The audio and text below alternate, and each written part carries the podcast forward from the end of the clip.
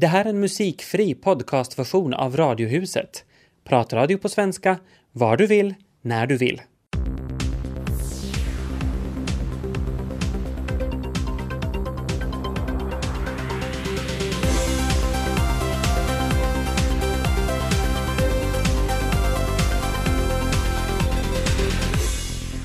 Idag ska vi ta en djupdykning bland skatter av ord, traditioner och forskning i Brages pressarkiv.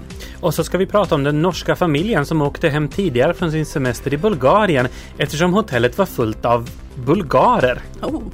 Radiohuset Onsdag med Tobias Larsson och Ami Lassila. Och vi är med dig fram till fem. Välkommen med! Jessica Parland från SM från Brages pressarkiv, välkommen. Tack.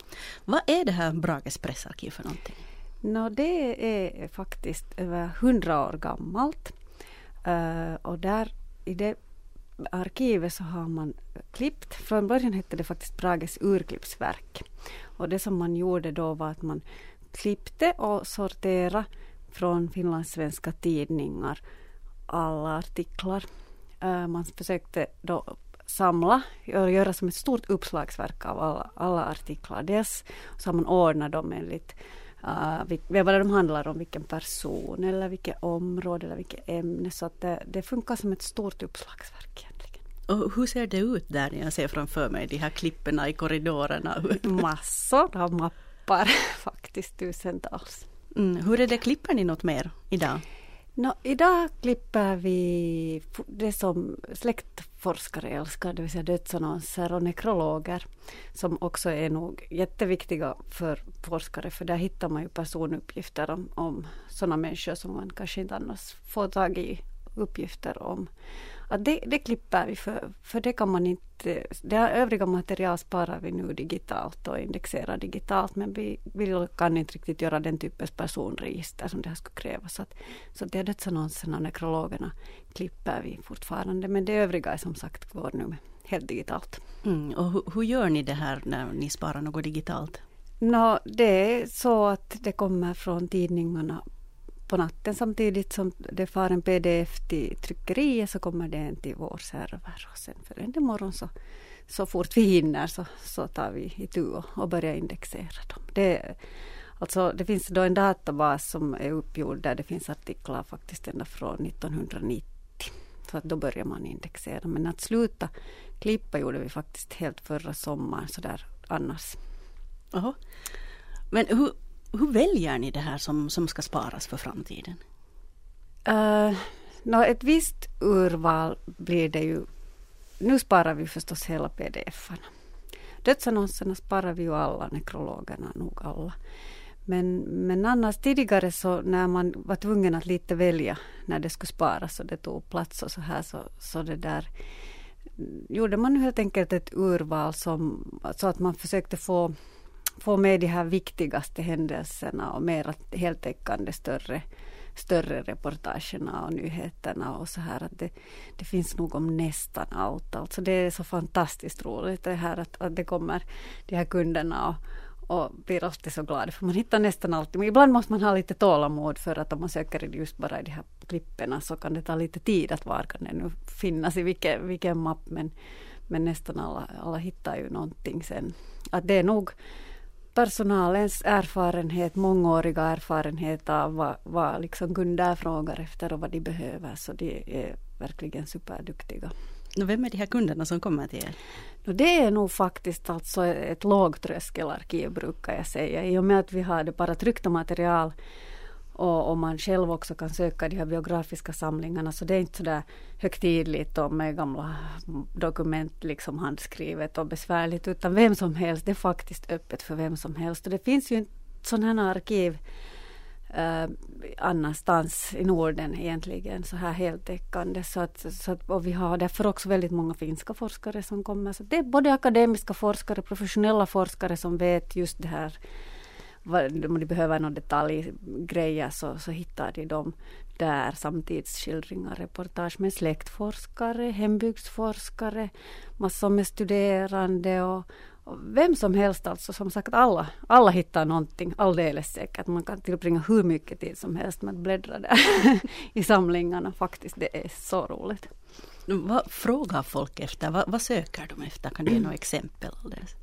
No, ofta, ofta är det just att man är ute efter någon person eller, eller någon viss eh, förening eller man vill skriva om, kanske om något föreningshus eller förening eller kanske ta, leta reda på om någon, något företag eller om något sånt. Så, så där finns just sån här detalj. Eller husbolagsfastighetshistoriker och den typens grejer. Så det finns mycket. Mm. Du sa att, att det här är, er personal är väldigt skicklig och jag ser framför mig de här enorma korridorerna fortfarande med de här klipporna. När någon kommer och frågar efter något sånt här så, så hur hittar man någonting där då? No, det, alltså i princip är det ju väldigt väl ordnat. Men det är just det att när man har haft ett klipp och inte har på det sättet haft något annat index så har man kunnat sätta det där klippet bara på ett ställe. Och då är det nog det att jag har, jag har själv jobbat där just snart ett år. Så att jag, jag liksom har lite börjat lära mig att hitta det. Men de här som har varit där några år så de, de, de vet ju nog hur man har tänkt under olika tider. Det är lite olika system under olika tider. Att hur, hur det är det, men just de här personerna är ju lätta för de är bara i alfabetisk ordning så det, det är ingen konst. Mm. Du, du sa att det är så jätteroligt att jobba där. Vad är det som är allra roligast? no, jag tycker just det mest belönande är ju det här att det är den glädjen och, och nytta som man faktiskt känner att man gör.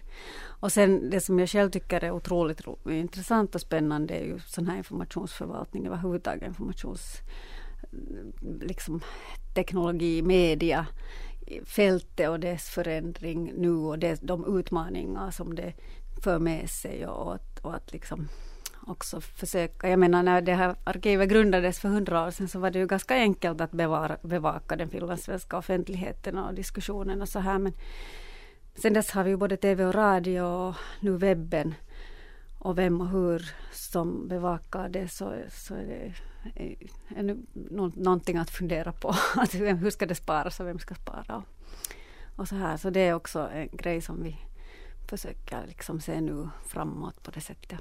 Ja, hur, hur ska man spara det här för de som kommer efter oss? no, radio och TV sparas ju faktiskt av det nationella audiovisuella arkivet så det, det finns där. Och webben sparas ju delvis av, av i det nationella webbarkivet. Men där görs det ändå en ganska sådär ytlig skrapning och det är många finlandssvenska bloggar till exempel som kanske ligger någonstans ute på någon utländsk server som inte aktivt blir bevarade. Diskussionsforum kommer, brukar kanske inte komma med i de här insamlingarna. Till exempel nu det här berusad.org som, som lades på is så finns inte bevarat någonstans. Och då, då är det ju när det är digitala material så de är känsliga och det kräver aktiva åtgärder att ta vara på det och, och planera denna bevaringen som är ganska utmanande. Men det, det är också hemskt roligt och spännande. Jag har varit med i, i det här nationella digitala biblioteket, så det nationella planeringen av, av långsiktigt bevarande och just av digitala material och jag tycker det är jätte, jätteroligt och, och intressant. Så det, vi jobbar på det. Mm. vad, vad, tycker du själv är de allra finaste skatter som man kan hitta där när man sitter och bläddrar?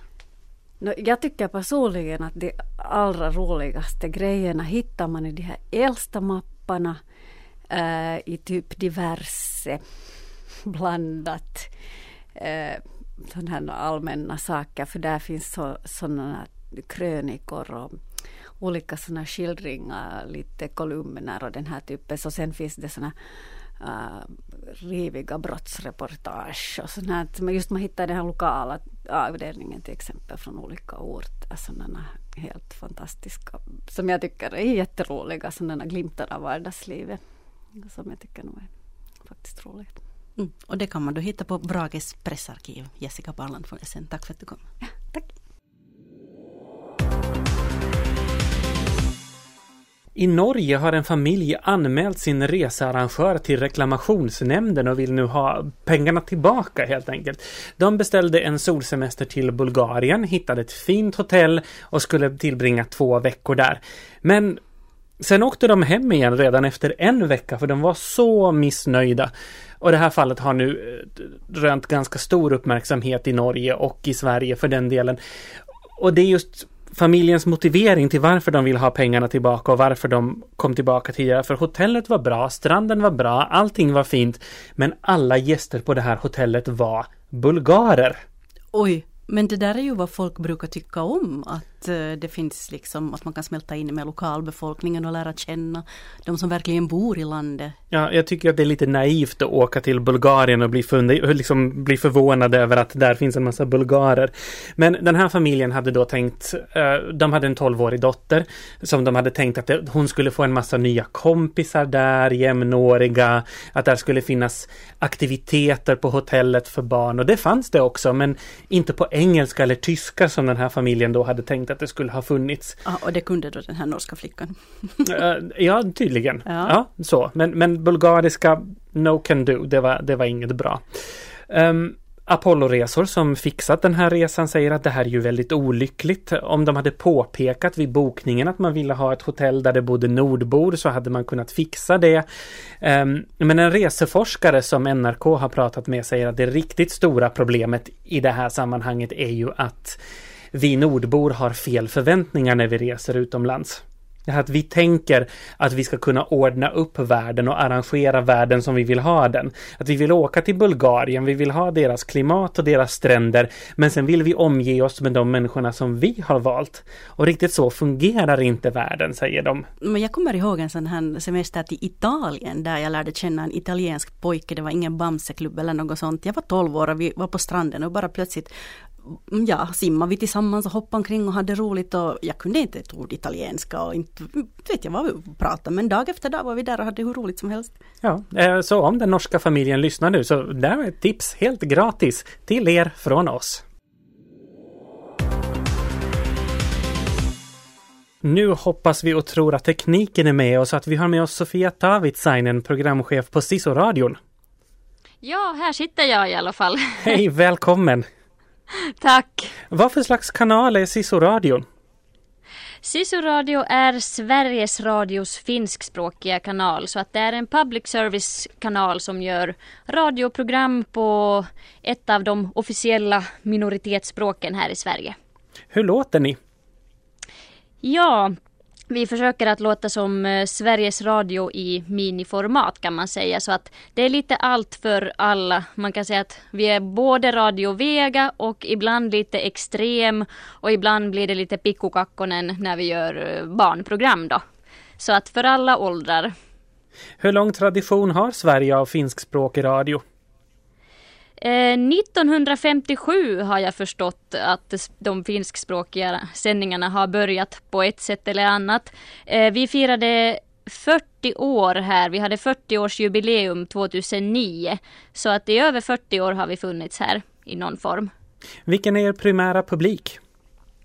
Det är Sverigefinnarna, alltså finskspråkiga människor i Sverige och idag är det speciellt eh, andra och eh, tredje generationen Sverigefinnar som vi försöker att nå. Men ni har en ganska mångfacetterad publik för där finns också eh, publiken som pratar meänkieli och de som mm. är invandrade själva och de som är födda i Sverige. Hur, ja. gör, hur gör man en mix som ska passa alla? Ja, det är väl egentligen omöjligt att göra en mix som passar precis alla. Alltså alltid är det ju någon som är lite missnöjd och samtidigt är det någon som är jättenöjd och känner sig väldigt träffad. Så att det är egentligen en omöjlighet. Men vi försöker att göra så gott vi kan med olika profilerade program och idag så känner jag att det blir mindre och mindre av ett problem i och med att folk lyssnar väldigt mycket on demand. Så att det eh, är mycket nätlyssning och att man lyssnar på ett specifikt program efteråt och, och på det där sättet. Så att det blir mindre och mindre av ett problem i dagens läge. Hur har er publik ändrats med åren? Ja, en stor förändring är väl det att i början så var det folk som inte kunde någon svenska. Alltså mycket, mycket sådana människor i alla fall. Om man tänker på 60-talet och 70-talet och eh, de här stora vågorna av människor som flyttade hit till Sverige. Så många var ju beroende av kanalen för att få information överhuvudtaget. Och nu är det ju så att våra lyssnare kan svenska. Många har ju bättre svenska idag än vad deras finska är. Så att idag är det mer för att hålla mod modersmålet vid liv. Man vill höra radioprogram på sitt modersmål och det kan vara identitetsskäl eller att man har intresse för minoritetspolitik på det sättet att man vill veta hur det är med till exempel finskspråkiga förskoleplatser eller sånt här. Så att det har ju ändrats. Hur är det att göra minoritetsradio i Sverige? Det är jättekul för det första men det är ju en utmaning på det sättet att man får ju ibland utbilda lite grann sina majoritetskollegor för att eh, Sverigefinnarna som grupp är ju inte direkt eh, lika erkända kanske eller inte lika lätt definierade som om man nu skulle jämföra, jämföra med till exempel just finlandssvenskarna i, i Finland så att vi får ju ofta berätta vad, vad poängen är med att göra radio på finska här i Sverige. Men det är kul. Och vad är poängen med att göra radio på finska i Sverige? Det är just för att det finns så himla många finländare eller människor med finska rötter i alla fall, Sverigefinnar här i Sverige. Eh, enligt vissa beräkningar så eh, är vi uppe i 250 000 någonstans till och med 300 000 och eh, poängen är just det att man ska kunna höra radio på sitt eget modersmål. För många är det jätteviktigt av just identitetsskäl och också för att det ska kännas eh, som en normal sak att finskan faktiskt existerar här i Sverige och har officiell minoritetsspråkstatus. Finland har ju kanske aldrig, kanske inte alltid varit det hetaste heta i Sverige om vi säger så. Hur har synen ja. på det finländska förändrats med åren? Ja, det har väl förändrats väldigt mycket. Alltså det, vi har ju haft en sån här stor Sverigefinsk våg av nya popartister och människor som gör kultur. Eh, det finns, har funnits många hippa evenemang och klubbar och spelningar. Det pratas jättemycket om den finska skolan som är ett sånt, för, alltså ett sånt eh, ja, vad ska man säga, någonting som svenskarna är väldigt avundsjuka på. Eh, så att det, synen har ju förändrats mycket och det hänger kanske också ihop med detta att Sverigefinnarna ses inte lika mycket som en invandrargrupp idag. Och eh, därför tycker man kanske också ibland att vi inte behöver så mycket saker på vårt eget språk eftersom vi har blivit så integrerade och allt detta. Men eh, enligt oss så är det ju inte exakt så där enkelt. Hur finländsk är du själv? Ja, jag är ju både första och andra generationen Sverigefinne kan man säga för att jag är ju född i Stockholm. Har flyttat till Finland som fyra femåring och sen gått grundskolan i Finland och sen flyttat tillbaka till Stockholm 98. Så att eh, Sverige är mitt hem, finska är mitt första språk och jag hejar på hockey och alltså jag hejar på Finland när det gäller hockey och idrott och så vidare. Du är programchef på Sisu-radion. Vad gör en sån? Det blir ju mycket administration. Det blir mycket svara i mejl och svara på telefon, mycket personalfrågor och sånt som inte direkt har så mycket med radio att göra. Men ibland får jag ju också vara med och utveckla och ta fram intressanta program som till exempel vår tvåspråkiga finska pinnar och eh, i höstas så hade vi årets Sverigefinne, en stor satsning då vi utsåg årets Sverigefinne för första gången. Så att det är lite både och. Om du måste välja en sak, vad är det bästa med Sisu-radio? Det är väl det att Sisu-radio är ett eh, ställe där finskan är en normalitet, där man inte behöver förklara varför man pratar finska eller tycka att det är någonting konstigt eller sänka sin röst. Det är väl det absolut bästa med den här kanalen tycker jag. Vad skulle du vilja göra mer av? Um, det är många saker men främst är det samarbeten med andra Sveriges Radio-kanaler för att jag tror att uh, vårt specifika, vårt speciella perspektiv berikar de andra kanalerna i vissa frågor också. Och ett bra exempel är ju presidentvalet nu senast i Finland. Då sände vi ju i P4 Riks eh, på både finska och svenska och eh, samarbetade med Ekot. Och det var ett jätte, verkligen en jättelyckad satsning och det skulle jag vilja se mer av. Mer samarbete. Till sist, om man sitter i Finland och vill lyssna på Sisu-radion, hur bär man sig åt? Det är jättelätt. Det är bara att knappa in eh, sverigesradio.se sisuradio så är det bara att börja lyssna. Tack så mycket Sofia Tavitsainen, programchef på Sisu-radion.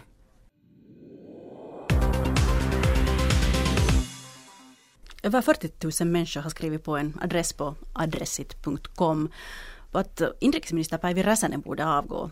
det är en krogägare som har startat den här namninsamlingen och, och orsaken är då att Räsänen har föreslagit att krogar borde sluta sälja alkohol efter klockan två. Och hon tror att stan skulle bli lugnare på det viset. Ja, det skulle, det skulle den ju kunna tänkas bli. Helt klart. Ja, jag, jag var också lite så här tudelad när jag läste det här för jag är faktiskt ingen Räsänen-fan. Nej, det, inte jag heller kan jag väl mm. infoga sådär. Och det bär mig lite emot att säga att jag faktiskt tycker att hon har en poäng där. För att om man har rört sig där vid fyra snåret på natten på stan så, så det, det är faktiskt inte roligt. Folk, folk är helt redlöst berusade och många är aggressiva och våldsamma. Och det är lite skrämmande. Och enligt Räsänen så visar då forskning i Norge att misshandel och oro på stan minskar om man slutar servera sprit en timme tidigare. Jo, det kan säkert stämma, men en annan sak som man kanske inte har forskat i, men som jag tror skulle stämma är att om det skulle finnas exempelvis mer eh, ordning och reda, du vet mer ordningsvakter och mer poliser och att den som bär sig illa åt faktiskt plockas bort direkt. Du mm. vet, nolltolerans mot bus som man hade i New York så tror jag att det också lugnar ner stan ganska mycket. Mm, men med tanke på hur man vet att polisen har fått lov att spara och spara så är det kanske ju inte heller då en, en lösning just nu. Ja fast det kanske skulle vara en mm. lösning. Alltså, ja. Mm. ja. En annan sak som, som bara slog mig när jag läste det här var det här med namninsamlingar, det här adresser och på Facebook och så. Vad tycker du om det här? Det är jättebra att det finns för de som vill engagera sig. Jag vet inte hur mycket nytta de gör. Nej, det är just det jag undrar också. Det är ju så otroligt lätt att gå och skriva på en sån här. Och just nu är det, tror jag var det 42 000 som hade skrivit på den här då. Och, och förstås det väcker ju diskussion så här som vi håller på att diskutera det nu också. Så, så det kan ju vara bra med olika frågor. Men sen när man går och tittar lite på vad, vad som har, folk har samlat in namn för. Så där är till exempel över 200 000 namn samlades in. Det är den som har fått mest namn där att, att Seitsemän päivä-tidningen skulle bojkottas. Mm. Ja, jo, men hela problematiken är liksom att man kan gå, det är som att gå in på Facebook och klicka liksom, tycker du om ozonskiktet? Ja, jag tycker om ozonskiktet. Men det förändrar ingenting. Nej, nej, och här är också att förbättra sjuksköterskornas löner är också en verklig höjdare som har samlat en massa namn. Och hur gick det med den saken? Det vet vi ju inte, inte så värst. Så man blir lite så här frustrerad tycker jag nästan på det här att okej, okay, okej, okay, vi diskuterar, vi skriver på, men, men ingenting händer. Jag tycker att det känns lite obehagligt, sådär smått otryggt att ge mina fingeravtryck. Sådär som man måste när man reser in i USA nu för tiden. De kan ju liksom hamna i fel händer. Eller på fel händer till och med. Kanske har jag sett för mycket på TV. CSI var länge en av favorit-TV-serierna. Och där så lär man sig att det minsann går att fejka också fingeravtryck. Man kan göra något slag av fejkade fingertoppar med någon annans fingeravtryck och sen så kan man sätta dit den, en helt oskyldig person, för ett brott. Fast kanske inte just det är det värsta eller mest troliga, men bara det att man skulle råka befinna sig på fel plats vid fel tillfälle att mina fingeravtryck av någon märklig men helt oskyldig anledning skulle råka finnas på till exempel ett vapen. Tänker jag nu att jag rör vid en kniv i en butik och sen så används den här kniven till att ta livet av någon. Och så hittar man mina fingeravtryck där. Så kollar man igenom alla register som finns och så säger det pip pip pip i datorn. Match found. Sådär som i CSI. Och vips, där är jag. Med foto och allt. Eller rättare sagt flera foton. För man fotas ju också samtidigt som man eh, ger sina fingeravtryck och sen så sparas då de där fotona från varje gång man kommit in i USA. Sist jag var där så påpekade killen i passkontrollen att jag har bytt frisyr sen sist. Och när jag frågade så sa han att jo, alla foton finns där och kommer upp då så fort skannern har läst av mitt fingeravtryck. Fast det skulle han ju egentligen inte få berätta. Han skulle säkert förlora jobbet bara för det. För de är ju så stränga där i USA. Det är ju det som är det värsta. Skulle man då råka ha satt sitt finger på fel ställe och man skulle bli dömd för ett brott så är det ju faktiskt inte helt omöjligt att man mister livet på grund av det. För i USA så sysslar man ju ännu i vissa delstater med det där att döda folk helt lagligt. Så dömd till döden, det ska man ju kunna bli. Fast man är helt oskyldig. Och det är det här jag tänker på varje gång jag åker till USA och lägger fram pekfingret vid passkontrollen. Tänk om!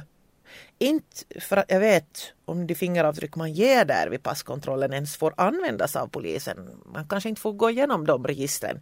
Men ändå, tänk om! Mina fingeravtryck finns ju faktiskt där.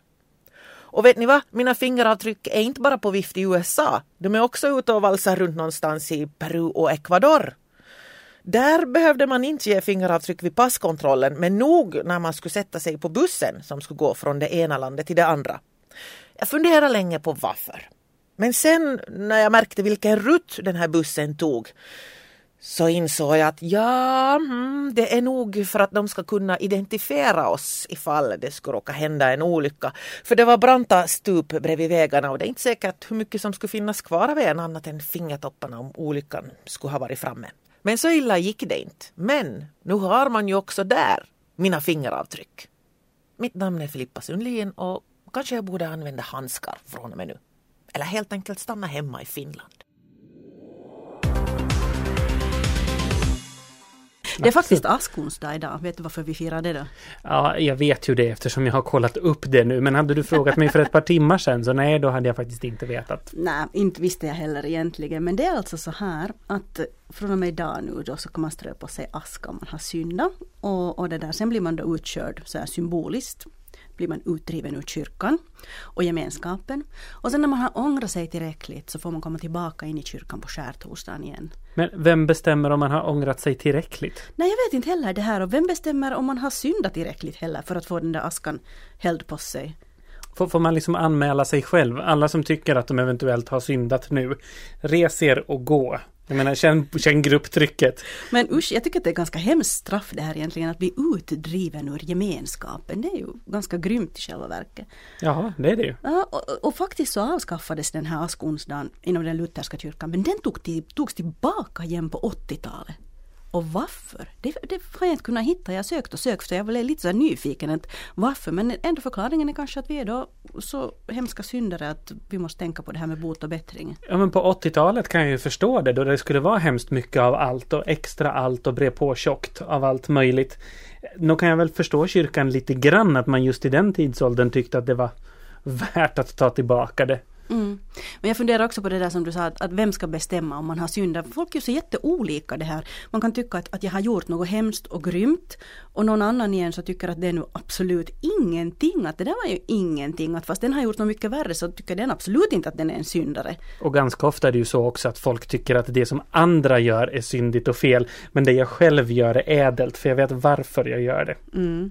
Nå, förutom det här nu att, att begrunda och begrunda sina hyss så, börjar faktiskt en period av 40 dagar av fasta före påsk. Är det här något för dig? Nej, det är det faktiskt inte. Alltså, jag, jag, är med på grundtanken. Jag är med på grundtanken att man ska eh, ägna sig åt avhållsamhet och eh, skänka en tanke åt de som inte har lika mycket som jag har och att det faktiskt är ett privilegium att få äta sig mätt och ha allting man behöver och så.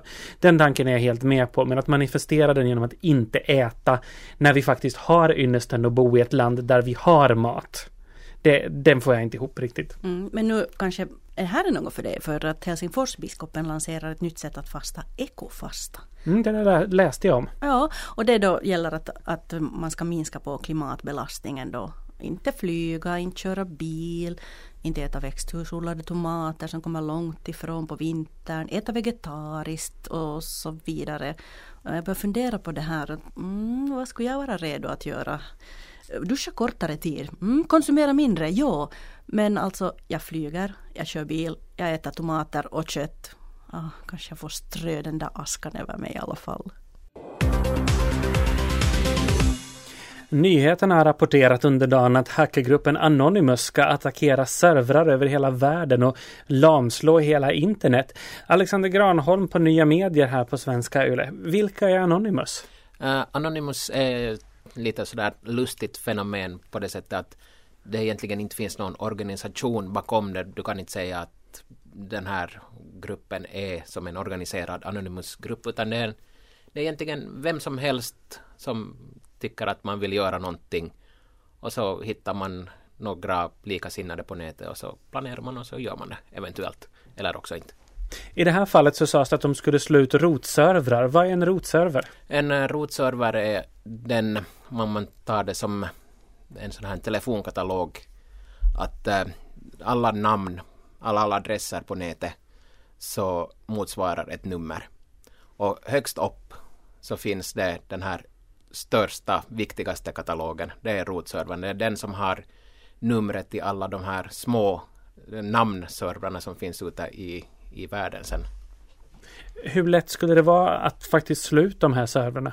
Uh, det är nog bland det svåraste man kan göra. Dels är ju hela internet är ju uppbyggt så att det ska klara av en kärnvapenkatastrof egentligen och fortsätta att fungera fast stora delar är utslaget. Uh, namnservrarna kan man ju teoretiskt få att, att det här inte svarar så att du inte hittar den rätta adressen med det namnet du har. Men uh, de här rotservrarna är nog bland de mest stadigt uppbyggda grejerna som, som de har på nätet. Så att det är en väldigt stor utmaning att, att försöka göra någonting åt det. Men vad skulle hända ifall internet faktiskt gick ner globalt? Mm, det är ju ingen som kan riktigt förutspå vad som skulle hända i dagens läge. Men alla är ju egentligen beroende av det på ett eller annat sätt.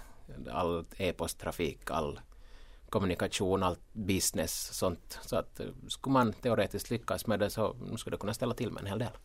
Men vad vinner en hackergrupp som då Anonymous exempelvis på att angripa servrar och sajter? Uh, jag antar, no, först och främst ska vi säga att det är ingenting som överhuvudtaget nödvändigtvis behöver stämma att, att de ska utföra den här attacken. Det har kommit likadant sådana här motbud att, att de nog inte alls har några sådana planer. Men äh, Anonymous är ju som sagt sådär diffust så att det kan hända att någon har sådana planer och resten inte har det. Det går inte att säga. Men äh, det man får är förstås uppmärksamhet. Men det har varit ganska mycket, det har pratats om sådana här nätsabotage, att det är någonting som vi borde ta in i, i, försvar, i vårt försvar helt enkelt. Eh, hur, hur vanligt kommer det här att vara framöver? Jag tror att det blir vanligare och vanligare i och med att nätet får en, en, det här, en allt större vikt och allt mer av vårt dagliga liv sköts via nätet. Så att nu finns det ju absolut en, en det här stor nytta av att, att göra infrastrukturen och, och de grejerna robustare så att de klarar av sådana grejer. Om det då inte går att slå ut rotservrar, vilka, vilka sidor och servrar är mest mottagliga för sabotage? Det är ju förstås sådana mm, populära sajter. En enstaka sajt kan man eventuellt lyckas få ner. Jag menar det finns ganska många sådana här Eh, exempel på det från den senaste tiden att eh, en eh, organisation så kan man blockera till exempel med att ta upp all bandbredd så att ingen annan kommer dit, det är det man brukar göra. Och är man tillräckligt många så får man ju ner en, en stor organisation. Till exempel, de har ibland hotat med att ta ner Facebook exempelvis. De är ganska stora, de har väldigt många servers så att, att lyckas göra det så kräver också en enorm sån här insats. Men att någon skulle lyckas stänga ner hela internet nu den närmaste tiden verkar inte sannolikt. Man ska ju aldrig säga aldrig men eh, jag skulle tvivla på att någon kommer att märka någonting. Tack så mycket Alexander Granholm på Nya Medier.